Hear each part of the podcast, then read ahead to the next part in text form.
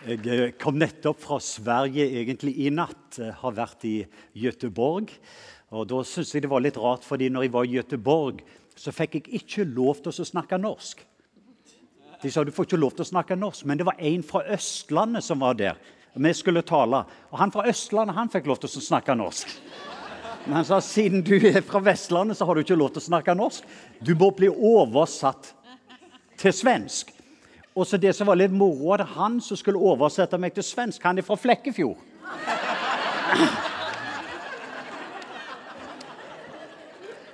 Så, så, jeg hadde noen veldig interessante dager der jeg følte at jeg, jeg, jeg tenkte først på norsk, oversatte meg sjøl til engelsk, og så måtte jeg hjelpe han fra Flekkefjord å få det på svensk mange ganger. Til slutt så kom kona hans opp og så sa 'la meg få ta over her'. Og, og, og kona gjorde en veldig, veldig god jobb. Eh, men vi hadde det veldig veldig bra i Sverige, og, og det er godt å være hjemme.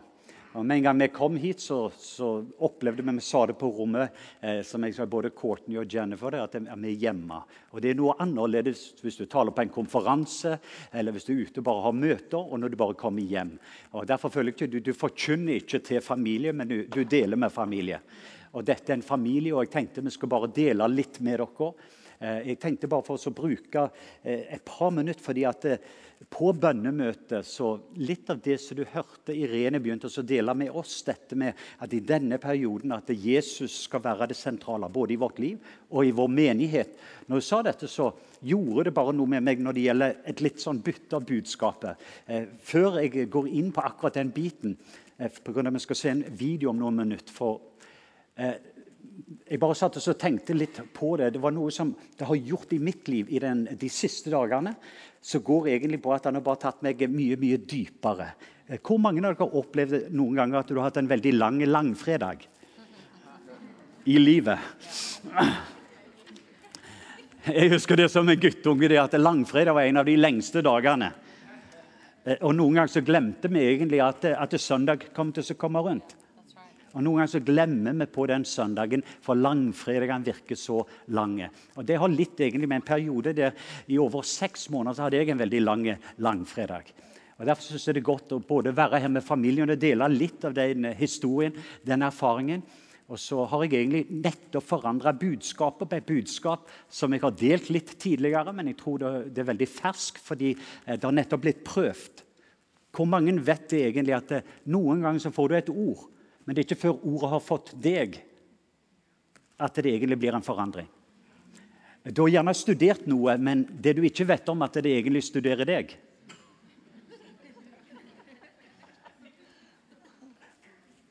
Og I løpet av den perioden, mens egentlig det ordet begynner å studere deg, så begynner noe å skje med deg. Så jeg vil bare si det at Når jeg er sammen med familien Jeg så Bergljot, som er her, og være med Martin og Irene jeg, jeg, jeg, fikk høre noe nettopp fra Tønsberg at de hadde fantastisk bra. Egil Elling gjorde en veldig god jobb. Så. Og Han er i Tønsberg, men bare være i kontakt med menigheten. Men jeg skulle bare dele dette at jeg kom fra Pakistan ca. tre uker siden. Og Noen ganger så får du et ord fra Gud om noe som du skal gjøre. Og så i neste øyeblikk så tenker du wow, dette kommer til å gå bra. Eh, så Jeg fikk et ord i løpet av sommeren at jeg skulle til Pakistan. og Skulle inn i et område der det ikke hadde vært evangelium, men skulle gjøre en stor kampanje. Du begynner også å planlegge, og så begynner alle disse angrepene å skje. Men så bestemmer jeg meg dette. Jo, Gud, du skal jo videre, du skal gjøre det Gud har sagt. Og så så ut som stormene bare fortsetter og fortsetter. Og jeg bare sier dette, Frem til slutt, ca. tre uker før vi skulle reise, så ble det virkelig et problem. For da ble det denne halvkrigen som gikk mellom India og Pakistan. Eh, og, og, så gjorde det det mye mye verre. fordi I det neste øyeblikk så fikk jeg plutselig en melding der de sa egentlig alle billettene dine. Eh, de har sletta billettene, for det er ingen fly. Egentlig Ingen fly kan egentlig fly over Pakistan i denne perioden. Så de stenger ned alt som har med flyplasser. Og Qatar Airways sendte nettopp en melding at du kan ikke reise. Og Da hadde du holdt på i seks måneder i planlegging, og du har bestemt deg at eh, jeg skal til Pakistan. Og Så lurer du på hva du skal gjøre. og Jennifer med, vi hadde noen samtaler. og Catherine og familien. Og, og ganske mange noe til og med ga meg en advarsel. Det, det, det er stort sett umulig å reise inn.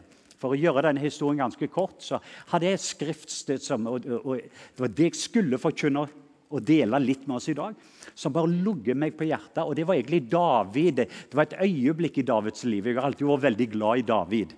Men David var et øyeblikk der plutselig som jeg sier det, at denne Saul som han hadde tjent, plutselig ble en gal mann og gikk helt imot ham. Og I det ene øyeblikket så stikker han vekk fra Saul, og så gjemmer han seg i fiendens leir. og Der er det en konge. og Når denne kongen får tak i han, så David han, han spiller som han er en gal mann. Og På en eller annen måte så blir han satt fri. Og Når han blir satt fri, så Salme 34, så begynner han egentlig Og det var det jeg skulle dele. Eh, salme 34, vers 4-6, så står det Jeg søkte Herren. Jeg søkte han, jeg søkte han. Og når jeg søkte han, så satte han meg fri fra all frykt. Altså det han gjorde at Midt under omstendighetene omstendighetene var de samme. Han var midt inne i stormen. og når han var oppi dette, det han sa, det var ikke det at jeg egentlig ikke hadde frykt eller angst. Men midt under frykten og angsten så begynte jeg å se opp når alle andre tingene så motsatt ut. Og så søkte Gud, og så satte han meg fri fra all frykt. Og så sto det noe ifra at det som David hadde gjort Ansiktene deres du kan lese det, ansiktene deres begynte å lyse seg opp. Og så satt han de fri. Når du så på ansiktene, så var det ingen skam. På norsk sto det egentlig at de rødma ikke av skam. Og jeg tror at det er noe som fienden bruker som et våpen på oss nå når vi går i denne perioden. fordi at det kommer til å være en langfredag som ligger foran oss før søndagen kommer. Og noen ganger den perioden går igjennom. For meg så var det en seks måneder periode før jeg møtte langfredag. Og Jeg hadde mange ord om påskesøndag.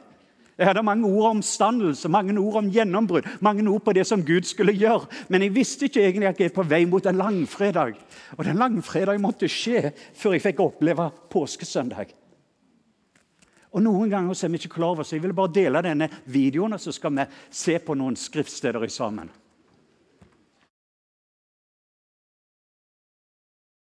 Til Pakistan.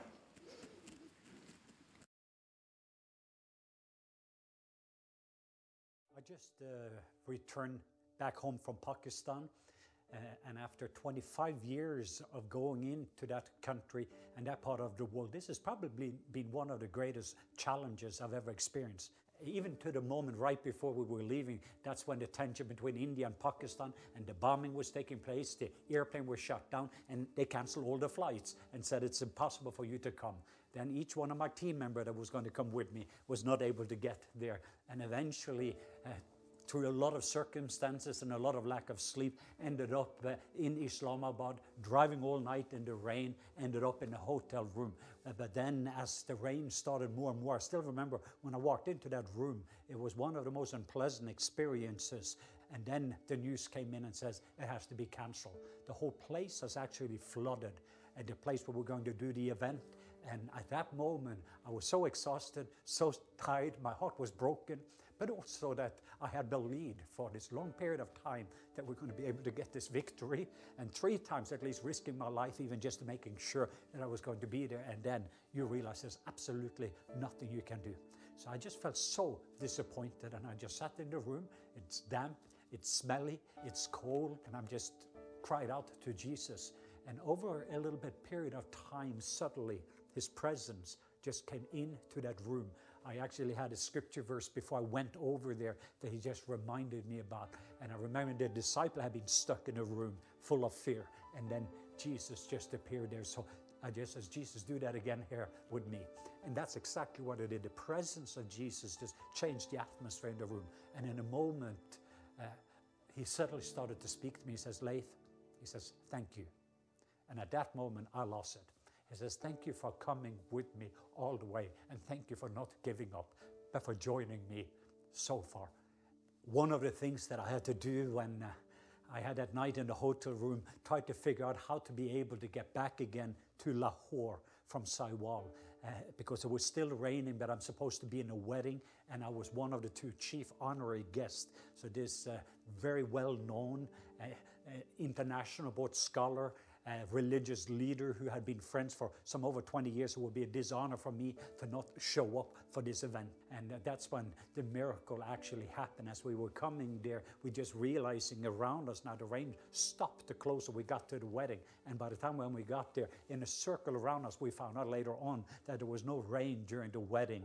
And they realized that it was very clearly connected. It happened when we drove in, and it stayed that way while it was raining all around.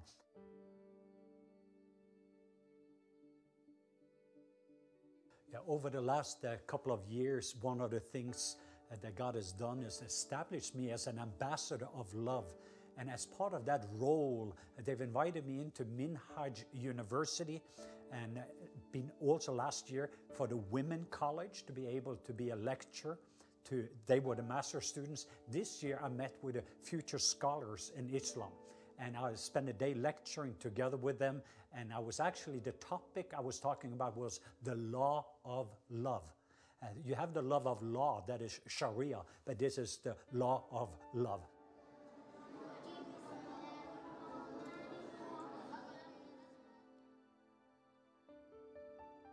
One of the things that you have to be ready for is surprises. I got a phone call to my room, and it is my coordinator, Marcus Fida, that said, We just got a call to be invited to meet with the governor, but also to come over to the parliament. So we had a, a driver then that came and was designated to take us actually behind all of the security take us into the parliament. And as we uh, even sat there, we got to meet with the Speaker of the House. It's a similar thing like if you had the Senate or, or House of Representatives here when everyone is gathering together. And it was these special issues that was going on, of course, in the time with all the tension that was going on. We were invited in as guests. And as we were sitting there, suddenly they stopped and then introduced the name and said that we have uh, Dr. Leif Hetland, the ambassador of love, visiting us today. Ambassador. And the people started to applaud. And uh, afterwards, it was actually Paul Yadav that said it. I mean, your name is written in the book of Pakistan forever. And that's what happened that day. As I continued to be surprised by this uncommon favor, eh, there was another upgrade taking place. We got the call to come and meet with the president of Pakistan. And I was like, no, no, the president of the country? Yes. Uh, come up to Islamabad in the middle of everything that is going on. Uh, you have been invited to have a private session to meet with the president of the nation. And even for me to be able to share with the president of Pakistan about the love that I have for this nation. And he even referred to me as an ambassador of love back again. So for me, uh, I mean, I left that place. If that's the only thing you had experienced in your lifetime, you have been a very rich and a very wealthy man. So when we were actually leaving, the, the, last two days was to be with our Christian family. Would many people call them the persecuted church, the minority, the few believers that are the poorest of the poor, and to see just the heaviness, the oppressions, how they be beaten down, coming into a room, and we brought them in from all over, and just watching them starting to worship, and then over the next couple of days just starting to bring in the presence of Jesus, releasing a baptism of love. And then also, I remember it was just in one moment, we just released, okay, now the presence of Jesus just is going to heal you. And we looked all over the room, and probably about 300 of them just waved, they got healed. And I heal from cancer and from pain. So the cancer disappeared. I, I do feel that uh, I've been entrusted with something and I feel it's almost like a fear on the inside. How do I steward that? And the trust that I have won with a group of people that it, will be almost an impossibility for them to trust, especially a Christian like me. How do I represent Jesus in the right way? Uh, to all of you who have been uh, praying, that is part of our family, I just want you to know that uh, uh we are part of history at this very moment. Uh, to have an opportunity to be able to share and share freely the love of Jesus, even in mosque, to be able to release a fresh baptism of love to the persecuted church, and then to be able to as a Christian to represent Jesus in such a way that people could see how good God is and how loved they are.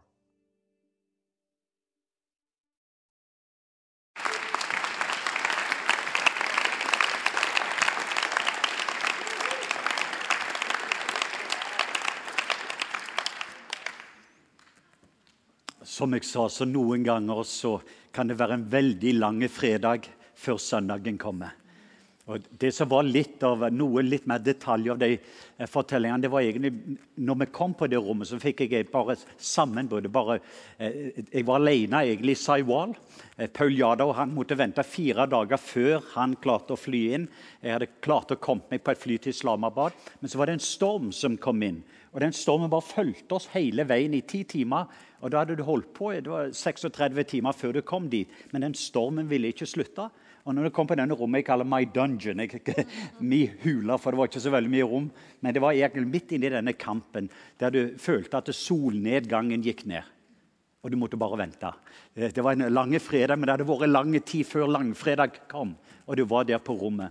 Og Da tenkte jeg på disiplene. og eh, Denne fortellingen har dere hørt meg dele om tidligere. Men jeg nevnte på videoen det at eh, mens jeg var der på dette rommet, så bare kjente jeg egentlig dette Johannes 20, som er noen av mine livsvers, eh, som gikk på vers 19 til og med 23.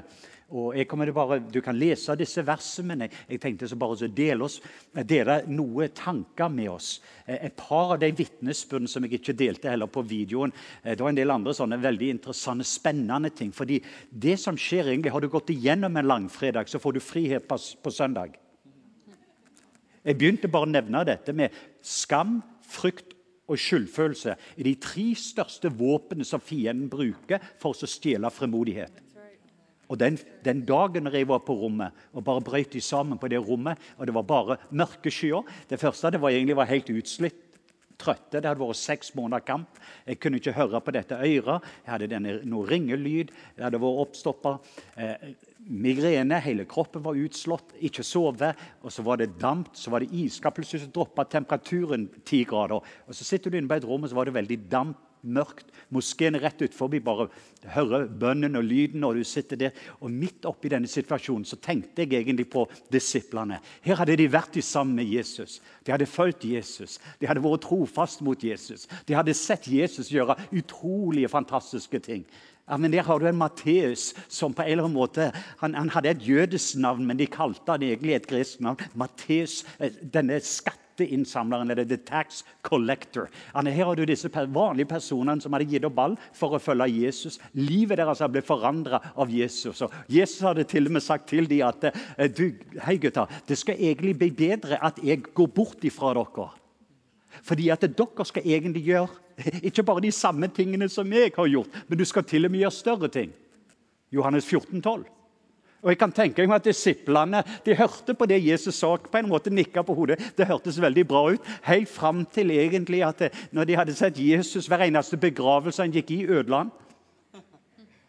Og, og, du kan være så glad han sa Lasarus kom fram, for ellers hadde hele gravplassen kommet fram. Altså, jeg kan bare si litt av denne humoren. Disiplene som hadde sett han røre med de spedalske. Og Jesus reiste de døde. Og alt det han gjorde, var kun det han så sin far gjøre. Og alt det han sa, det var kun det han hørte sin far si. Og Jesus levde i et sånt forhold til sin far, i en avhengighet til Den hellige ånd. Og så sier han egentlig til disse vanlige personene at nå, nå, det skal bli bedre gutter, når jeg reiser bort. Når jeg bare forsvinner fra her, fordi jeg skal egentlig gå hjem til pappa, og så skal jeg sende dere en hjelper, for dere kommer til å trenge hjelp. A paraclete. Dere skal få en rådgiver, en veileder, dere skal få en kraft. Men når langfredagen kommer og Jeg vet ikke hvordan det er hos deg i ditt liv. Altså, Jeg har gått med Jesus og vandra med Jesus, men så plutselig så er du på et rom der alene. Og når langfredagen kommer, og det er mørke skyene der Du har hatt en lang vintertid. Og du vet at I den perioden når du har en langfredag, så er denne langfredagen lang. og Du har gjerne fått diagnosen og du har stått i kampen. og Det ser ikke ut som noe skal fungere. Jeg kan se disiplene. Det er da i, Mattes, nei, unnskyld, i Johannes 20, 19, så begynner man å lese om at dette var den første dagen. At disiplene de var samla sammen i et rom. Og Når de er samla Johannes 20, 19, i dette rommet, så står det at døra var stengt. Jeg kan tenke meg mens de sitter der Nå husker de de har gått fra fredag til søndag. De sitter der og De skulle ha vært der på korset. Egentlig var det bare Johannes som tørte. De sitter låst fast i et rom, og det rommet er fullt av frykt. Og så er det skam, og så er det også skyldfølelse. Når du er midt under disse stormene, så klarer du ikke å høre hans røst, og du klarer ikke å se hans ansikt. Men noen ganger trenger du bare å ha noen minnesteiner. Og noen når du ikke klarer å se hans ansikt, når du ikke klarer å høre hans røst, og når du er midt oppe i en situasjon, midt oppe i stormen og midt inne i denne plassen, du er i et rom, og søndagen har ennå ikke kommet for deg. Så Noe av det første du ser mens disiplene var der, og det var min opplevelse og Dere så gjerne noe av resultatet. og Det var mange andre ting som vi bare så. Det sprenger sånne grenser at jeg kunne ikke ta det på videoen. Eh, Paul Jadhaug skrev noen sider om bare det han så. Men det er en frihet òg som skjer når du har vært på korset. Jesus han døde ikke bare for deg, han døde som deg.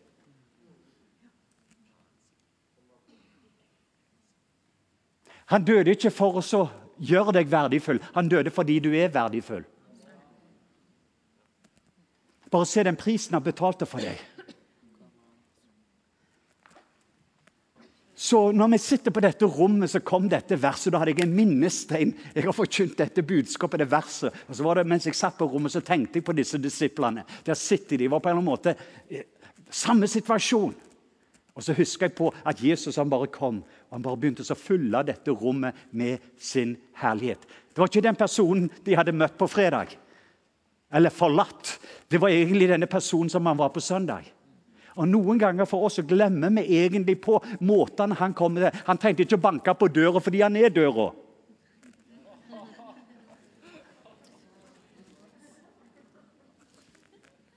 Så kom han inn med sin herlighet. He's coming in with his presence. Når du har hans nærvær, når du har hans nærvær, så har du alt. Har du alle ting, men du, du ikke har hans nærvær, så har du ingenting. Og midt under situasjonene, når du møter situasjonene, så husker jeg tilbake på minnesteinen at Jesus bare kom og fulgte. Det var det jeg gjorde på det hotellrommet. Før møtet begynte jeg bare sa Jesus. Så i Johannes 20, 20 så begynner vi bare å fortsette. Så bare ba jeg han å fylle dette rommet med hans nærvær. Du trenger, ikke, du trenger ikke banke på døren, men Jesus bare fyller opp dette rommet. Først dette rommet, og så snakker vi om dette rommet. Det er hotellrommet mitt. Eh, fylle vårt rom. Følg vårt hjem. Men bare fyll oss opp med ditt nærvær. Jeg trenger ingenting. Jeg kan være midt i den samme stormen, og den samme stormen fortsetter å være rundt oss. Men hvis jeg kan bare ha du midt under stormen, så kan jeg hvile midt i stormen. Men jeg hadde ikke hvile fram til Jesus og hans nærvær kom inn på rommet. Og Det var akkurat det som skjedde med disiplene. First his presence. Say his presence. Say his presence. På norsk si hans nærvær. Det første som skjedde med det, var at de ble fulgt av hans nærvær. Nummer to så sier han 'fred, fred, fred være med deg'. Det han gjorde, han velsigna de med sin fred. Og når vi begynte å synge sangen om det, så visste jeg igjen at det, dette er en påminnelse. For jeg kan ikke gi fred hvis jeg ikke har fred. Du kan kun gi det du har tatt imot. Og det første, Hvis jeg skal bære på hans nærvær og det jeg sa, så var det vanskeligst for meg det egentlig, Vi hadde alle disse profetiske ordene. Seks måneder i samarbeid med for å få til dette. Flere hundre som har vært med å få ting på stedet. Og hele stadion ble flomma. Og ingen mennesker kunne komme. Og grunnen jeg sa når jeg nevnte dette, at når staten skrev navnet mitt i parlamentet, i boka når de nevnte dette det var egentlig, Jeg hadde nettopp grått. og Jeg sa at det var, det var 50 000 navn som skulle bli skrevet i livets bok. Det fikk meg et ord for. Men nå hadde du ingen møter. Jeg vet ikke om du har stått der. Du har hatt forventninger, men det har ikke skjedd. Og så fører det til skuffelse. Og Faremomentet er egentlig at vi tar ned forventningene. For Hvis vi ikke forventer mye, så slipper vi å leve med skuffelse. Men problemet så får vi ikke se mye, og så får man ikke høre. Og Jeg visste det med en gang at når du blir kastet av hesten Noe av det første du må gjøre, Leif, du må komme deg tilbake på hesten. For Hvis ikke så kommer jeg ikke til å ri igjen.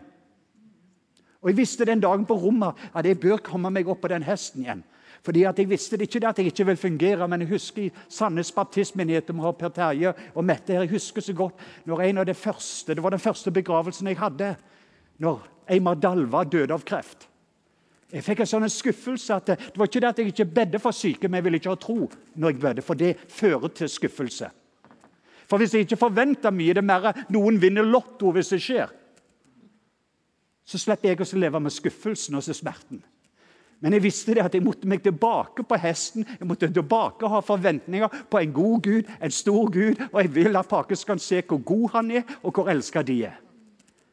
Så når du forlot dette, så hadde du egentlig tapt seks måneder. All investering penger. Dette var den største delen vi skulle gjøre. Men Gud, som jeg sier, etter fredagen så kommer søndag. Det er ikke over ennå. Og Det er heller ikke overfor deg hvis du er midt og har hatt en lang langfredag over livet ditt og familien og løftene, og det ser ut som alt det motsatte skal skje. Så midt i det hele, la bare han få komme med hans nærvær. Og så ta imot hans fred. Fred til ditt hode, fred til dine tanker, fred i din kropp. Hans fred. Den fred som overgår all forstand. La den bevare ditt hjerte og dine tanker i vår Herre Jesus. Det neste Jesus gjorde som jeg synes var fantastisk Jeg sitter på rommet. Han viste hendene og sida. Det var det han gjorde til disiplene. Og Hvis du leser det i Johannes 20, og du kan lese videre her, så ser du at Jesus viste hendene og føttene. Hvorfor gjorde han det? For uansett hva problemene de hadde, det han beviste for dem, det er egentlig 'jeg er'. Jeg er din styrke midt under din svakhet. Jeg er din lege midt under sykdom. Jeg er din frihet mens du føler at lenken er der. Jeg er den perfekte kjærlighet midt under frykten, og den perfekte kjærlighet tar bort all frykt. Jesus viste de veldig klart det er dette 'jeg er'. jeg er. Uansett hva dine problemer er. Hvis du plutselig nå bare tar imot hans nærvær og tar imot hans fred Det neste du kan ta imot First his presence, then his peace, then his provision. Han har forsørga for alle de behovene du har. De behovene jeg hadde og trengte, det som jeg ikke hadde, det tok Jesus seg av. Og Det var det som skjedde når han viste og åpenbarte. Det er egentlig en covenant statement. Det er egentlig en pakt. Så sier Leif jeg vet at det er mange ting som du ikke har, men la meg vise deg hva jeg har, og hva jeg har gjort. Jeg er. Jeg er din visdom, jeg er din styrke, jeg er din favør. Uansett hva du går igjennom nå, alt det du trenger, jeg er. Og Det eneste måten du kan svare tilbake på du er. Du er min hvile. Du er min fred. Du er min glede. Du er min frihet. Du er min styrke. Du er, du er, du er. Og folkene rundt deg begynner å si han er. Han er stor, han er en lege, han er, han er en god Gud. Han er. Og det det stod egentlig at David i et øyeblikk David var der, og når han søkte, når han så det som skjedde, han ble satt fri fra frykt, så står det ikke bare at Davids ansikt, men deres ansikt begynte å lyse.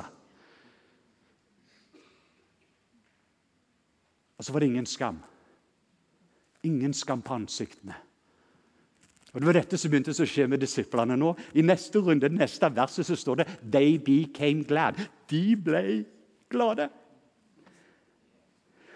Og nå plutselig midt under stormen. Ingenting har skjedd, ingen forandring utenom at hans nærvær er til stede. Hans fred er til stede. Jesus har åpenbart at alle de behovene jeg har, jeg har tatt meg av disse behovene. I neste øyeblikk det jeg får oppleve, midt oppi alt det som foregår, det er egentlig hans glede.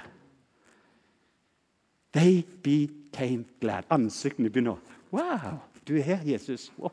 Midt under storm, midt på dette rommet. Ingen har forandret seg i seg sjøl. Jeg har ikke begynt å reise tilbake under stormen. Jeg er ennå på rommet, men først er det hans nærvær. Så er det hans fred, og så ser du på hendene og så ser du på sida. I neste øyeblikk så ser du han inn i ansiktet, så får du en glede tilbake. Takk, Jesus, at du er her. Og Så husker jeg han hadde gitt meg et ord. og dette igjen litt for å være ærlig at Jeg hadde et ord fra kontoret, to ord, men det ene ordet sa Leif, husk at denne gangen så skal du være Jesus sin personlige assistent. Og Da husker jeg veldig klart, så sier Jesus til meg og Dette var en liten sånn ris på baken Leif Hetland. Den som han elsker, den nå får litt disiplin. Så det er sånn kjærlighetsting. Men jeg fikk en liten sånn klapp. Han sier Leif, det er så veldig rart, sier han, at det, på en eller annen måte, Hvis du skal være min personlige assistent, hvorfor føler jeg at på en eller annen måte at jeg skal være din personlige assistent? Og når det ikke går sånn som du vil ha det, så tror du at det er noe galt.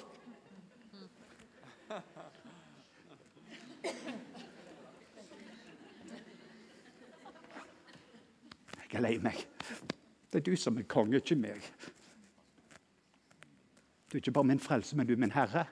Jeg er som en liten mynt i din hånd. Du kan bruke mitt liv på hvilken måte du vil. Jeg er lei meg. Så lenge har du her, Jesus. Det bare føltes ut som du forsvant, og jeg var alene her. Det var sånn det føltes ut.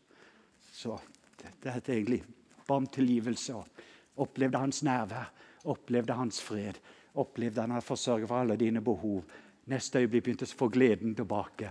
Og så ga han en runde til med fred. Og det gir han til hver enkelt av oss. Dette er ikke bare noe, et budskap for meg, det er et budskap for deg. Mens du venter før søndagen kommer, så er det en fredag. Og denne, den fredagen kommer til å være en veldig god fredag. For du kan ikke forstå verdien av søndag hvis ikke du har opplevd fredag. Og jeg vet at det er mange som ønsker løftene på søndagen uten å få oppleve fredagen. Men fredagen er en utrolig frihet som skjedde. De ting som skjedde på videoen, det kom som resultat av den fredagen. Og Jeg bare oppmuntrer deg ikke å gi opp. Fordi etter fredag så kommer søndag. Påskesøndagen kommer. Etter solnedgangen så er det en soloppgang. Etter en lang vintertid så kommer våren. Og så snart så kommer sommeren, så det blir høst. Midt under omstendighetene så er det veldig viktig midt under vintertid at vi tar Jesus inn i vinteren. Det er de gangene i livet der det ser ut som alt dør. Når det kommer til vår, tar Jesus med deg under våren. Sommerstid, ikke glem Jesus i sommerstid. Jeg hadde en dag når jeg kom hjem i Atlanta. Jeg skulle bare hjem, og så hadde jeg vært hjemme en stund. og så hadde det vært en sånn kamp, så Jeg reiste bare opp og handla litt og spiste litt god mat og koste meg. og Kom hjem, og så plutselig så hørte jeg Jesus si, 'Leif, eh, jeg savna deg i dag'. Så tenkte jeg du er jo alltid med meg. Så sa nei, Du inviterte ikke med på samme måte som i Pakistan. Å være med deg. Jeg, du la ikke merke til at jeg var der i bilen hele tida. Du la ikke merke at jeg var deg. Og Du gikk gjennom hele denne dagen uten å legge merke til det samme nærvær når du var på det rommet. Jeg ønsker ikke bare å komme på besøk når du trenger meg. Det gjorde noe dypt i meg, og jeg ønsker når Og det er Irene sin feil at jeg gikk denne retningen. For på bønnemøtet når hun begynte, jeg vil ha Jesus til å være det sentrale i mitt liv. Hvis vi kan bare vite at det er én person som er til stede i kveld, som er mer ekte enn noen av oss og han er mer reell enn noen av oss. Når jeg bare la merke til at jeg ikke er alene på rommet, det er da du klarer å få åpna deg opp. Men det er ikke ferdig det. Da kan du få lov til å begynne. Nå kan du begynne å se mot søndagen når du kommer til det punktet. At du har tatt imot hans nærvær. Se hans nærvær. Se hans fred. Alt han har forsørga. Alt han har betalt for. Han tok dine synder, så nå er du rettferdiggjort. Han tok dine sykdommer, så ved hans sår så har du fått legedom. Han tok dine stormer slik at du kunne få fred. Han tok dine dårlige karakterer, og han ga deg toppkarakterer. Han ga deg en ny karakterbok. He took your F and he gave you his A+. You better get used to it. Men etter langfredag så kommer søndag. Når vi reiste tilbake, den ene opplevelsen som ble veldig sterk for meg For det var et ene øyeblikk med akkurat dette som skjedde. Så satt vi rundt. Paul Jardar var der med en del muslimer. og Det var et par ting som berørte meg. Han ene mens vi satt på gulv der utenfor kongemoskeen. Og Den fredagen så hadde jeg gleden av å dele i kongemoskeen under Juma-bønn. Og så Mens du står der og deler, så er det noen og 20 000 muslimer inne på kongemoskeen. Men så er det òg på TV overalt. Dette er budskapet det er akkurat søndag er for oss, som er budskap til hele nasjonen fra kongemoskeen.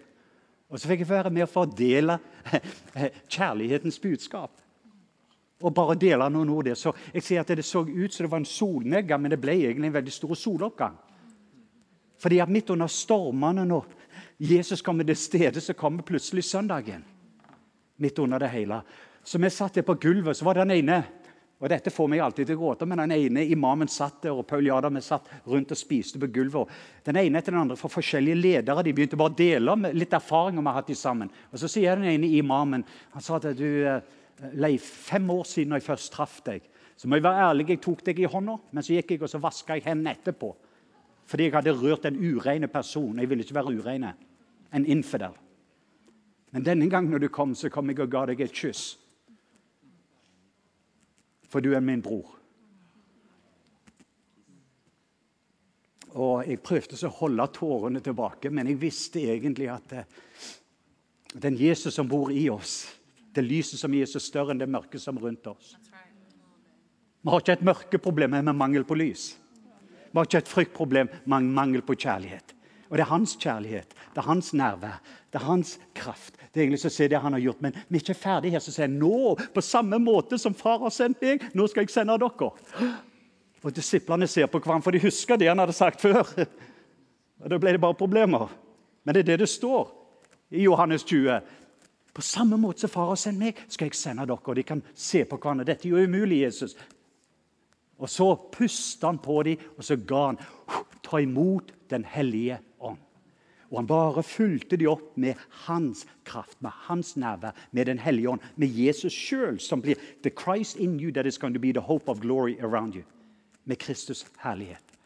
Og Noe skjedde med disiplene. Og det siste verset, og det vil jeg også bare få med her, så sier han nå hvis dere Hør godt dette. Hvis dere, hvis du, hvis du, Geir, hvis du Hvis dere tilgir syndene til noen, så blir de tilgjort. Bare les det. Vers 23. Hvis dere tilgir syndene til noen, så blir de tilgitt.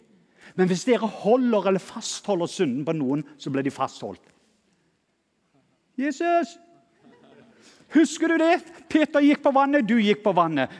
Du gjorde mirakel med brød, vi gjorde mirakel. Det var mange ting som vi gjorde sammen med deg. Men det som fikk oss i problem, det var egentlig at du, Jesus, tilga folket sine synder. For det var det som sier at du sier du er Gud. Og nå sier du vi skal gjøre det samme som du gjorde. Det strekker meg. Fordi jeg trodde bare Gud kunne tilgi syndene. Men nå sier han til disiplene hvis dere tilgir syndene til noen Din holdning overfor de menneskene der ute har mye med fordi vi skal representere Gud mot menneskene og menneskene mot Gud. Vi er kongelig presteskap. Men når du er prester innenfor Gud, så representerer vi Gud mot mennesket og mennesket mot Gud. Og vi kan representere på en god måte.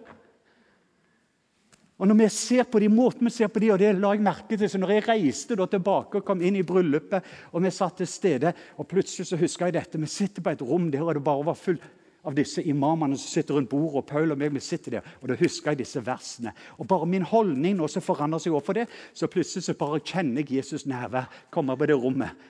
Og så bare Noe som du ikke gjør, men jeg bare kjente at jeg hadde Jesus nærvær. Gikk bort til den ene imamen og så sa at og du rører ikke borti dem, men jeg bare sa du har ei frossen skulder, tror jeg. Og De så på meg rart, alle disse imamene vi satt på rommet. Bare, men bare se nå, i Jesu navn!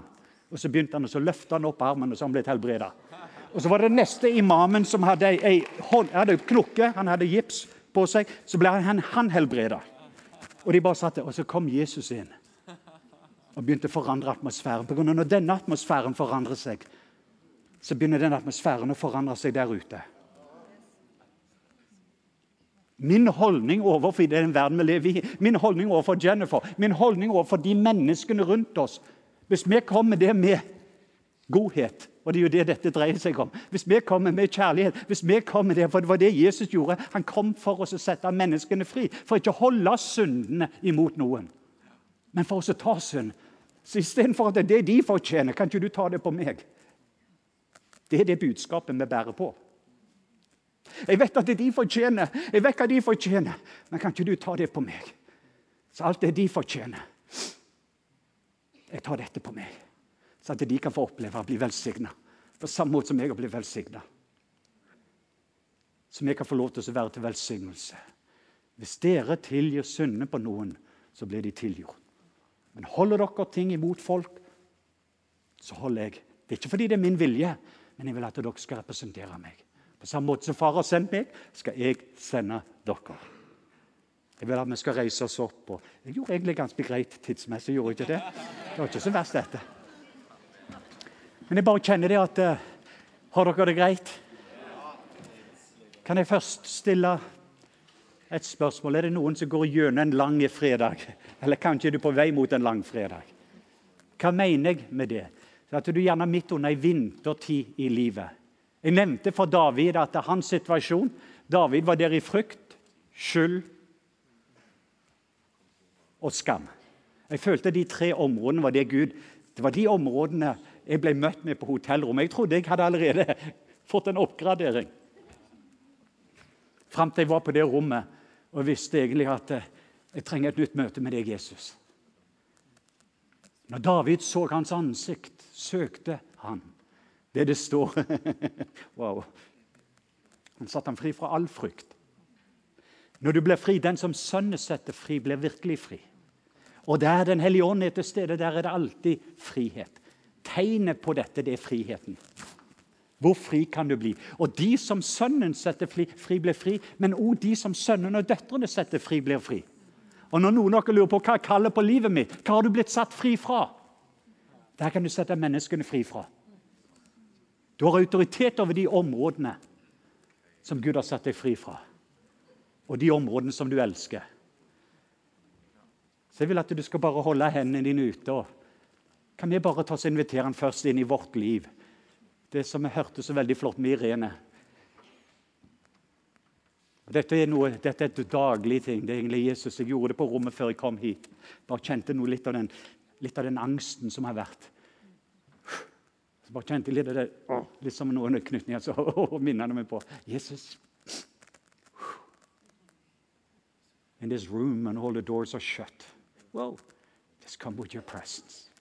Jesus, jeg føler jeg er på et rom nå der Wow, det rommet. Bare fyll dette rommet, fyll mitt liv, fyll mine tanker med ditt nærvær. Jeg ønsker å være en person av ditt nærvær. Wow. I ditt nærvær så er det glede. Det er frihet. det er legedom. Wow.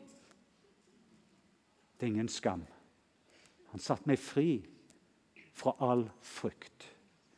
Ansiktet begynte å lyse opp. Wow. Og det var ingen skam. Når denne verden da får se, da får de se. De får se ansikter som lyser. Ansikt til ansikt med pappa Gud med Jesus. Hans fred. Jeg vet ikke hva behov du har, men han står her med sine hender. Og ved hans side så sier han jeg tok meg av akkurat det. Ja, Men jeg sliter med angst. Jeg vet akkurat hva. Bare se på hendene mine og sida mi. Sliter med rus. Se på hendene og sida mi. Uansett hva dine problemer, se på Jesus. Jeg Tok meg av den. Den òg. Ja. Ja, Så skal du få oppleve gleden komme tilbake. Jeg sier ikke omstendighetene forandrer seg, men gleden kommer tilbake. Så forløser han en runde til med fred. Så sier han nå, det du har tatt imot, det skal du få lov til å gi bort. Nå, På samme måte som far har sendt meg, skal jeg sende hver enkelt av dere hjem til hjemmene, på arbeidsplassen. Takk Gud at det er mandag. For nå får jeg lovt Wow, der Gud har kalt meg. Der jeg har blitt satt fri, kan få være med og sette menneskene fri. Og Så kan de få se på ansiktet mitt midt under omstendighetene, under stormene. Så er det noe som lyser. Hva er dette lyset? Så blir det favør med Gud og favør med mennesker. Så at de rundt oss kan se hvor god pappa Gud er, og hvor elska de er. Men for at det skal skje, så må du og jeg få erfare wow, hans godhet og hans kjærlighet. Kan jeg spørre deg et ærlig spørsmål? Jeg vil være ærlig med deg. Er det noen som har slitt med frykt eller skam? Det betyr egentlig, det er litt vanskelig, for jeg deler til og med mennesker. Hvordan vet du om det har vært skam? Jo, skammen forteller deg den du ikke er. Pappa Gud forteller deg alltid om den du er. Han gir deg alltid identitet, men skammen forteller om de feilene du gjør, og alt det du ikke har gjort. Og Da vet du det er skam. Men sannheten setter deg fri, og sannheten er det som pappa Gud har å si om deg. Frykt, skam eller skyldfølelse når du ser tilbake, så til stadig så minner du på, og så ligger det der og gnager. Jeg bare så at Jesus ønsker seg, så setter deg fri. Hvis det er noe med de områdene jeg vil bare du skal bare ta så vink til meg. bare, dette mellom, ja, men bare gjør. For jeg bare ønsker, for det som jeg har tatt imot, det ønsker jeg å gi bort. Freely I received, freely I give. Wow. Skal bare få oppleve nå eh, lovsangsteam skal være her. Jeg vet at det skal være forbønnsteam. Så. Men Jesus han er til stede. og Uansett hva dine behov er nå Be free. No more shame. The perfect love casts out all fear. Whoa. And no more guilt. No more carrying things from your past. No guilt from your past. No shame for the present. And no fear for the future. Wow. Ingen skyld når du ser i bakspeilet og ser. Ingen skam for i dag. Og ingen frykt for i morgen. Jeg forløser jeg over deg i Jesu navn. Kan ikke vi ta så Nå skal du bare få oppleve i hans nærvær, hans friheten. Kan lovsangstime kan du bare ta og synge det som ligger på hjertet, og så skal vi bare ta imot. Jeg skal bare ære ditt nærvær, Jesus, det du gjorde på hotellrommet mitt. Bare følg hver enkelt av oss. Så tar vi med det som vi har enkelt, så tar vi det sammen, slik at dette lokalet blir fullt. At det er Jesus, du blir det sentrale. Ditt nærvær blir det sentrale.